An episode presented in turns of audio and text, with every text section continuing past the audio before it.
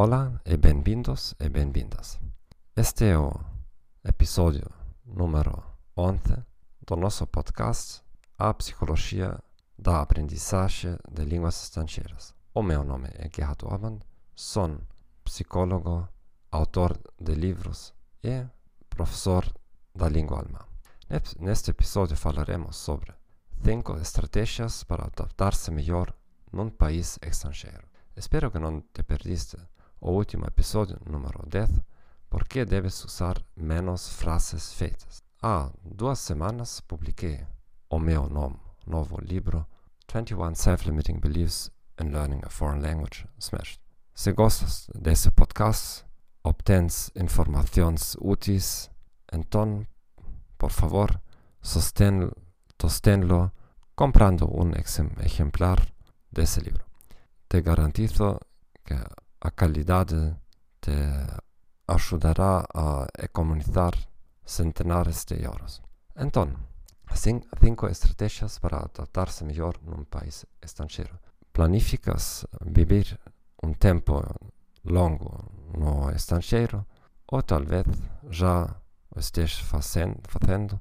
Então, as minhas cinco estratégias que me ajudam a viver já há mais de 14 anos na Europa do Leste. Então, a primeira estratégia, jamais utilizar slang e palavras vulgares, mesmo se a maioria da população, população as utiliza. A segunda estratégia é manter-se informado sobre as discussões, as discussões políticas e os problemas políticos no, no país para evitar situações desagradáveis. A ter terceira é de conhecer quais são, os problemas principais para a população, os seus medos, as coisas que irritam. E somente assim você eh, podes eh, desenvolver empatia com eles.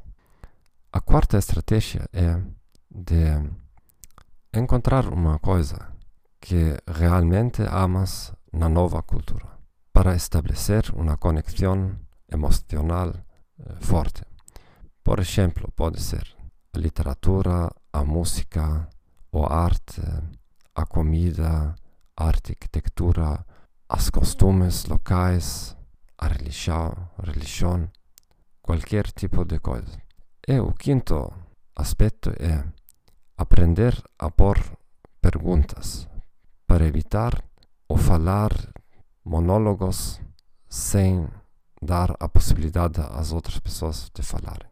E também não tratar de impressionar a população local com os teus conhecimentos linguísticos. Então, graças por ter ouvido este podcast. Como dice antes, no soy experto en galego.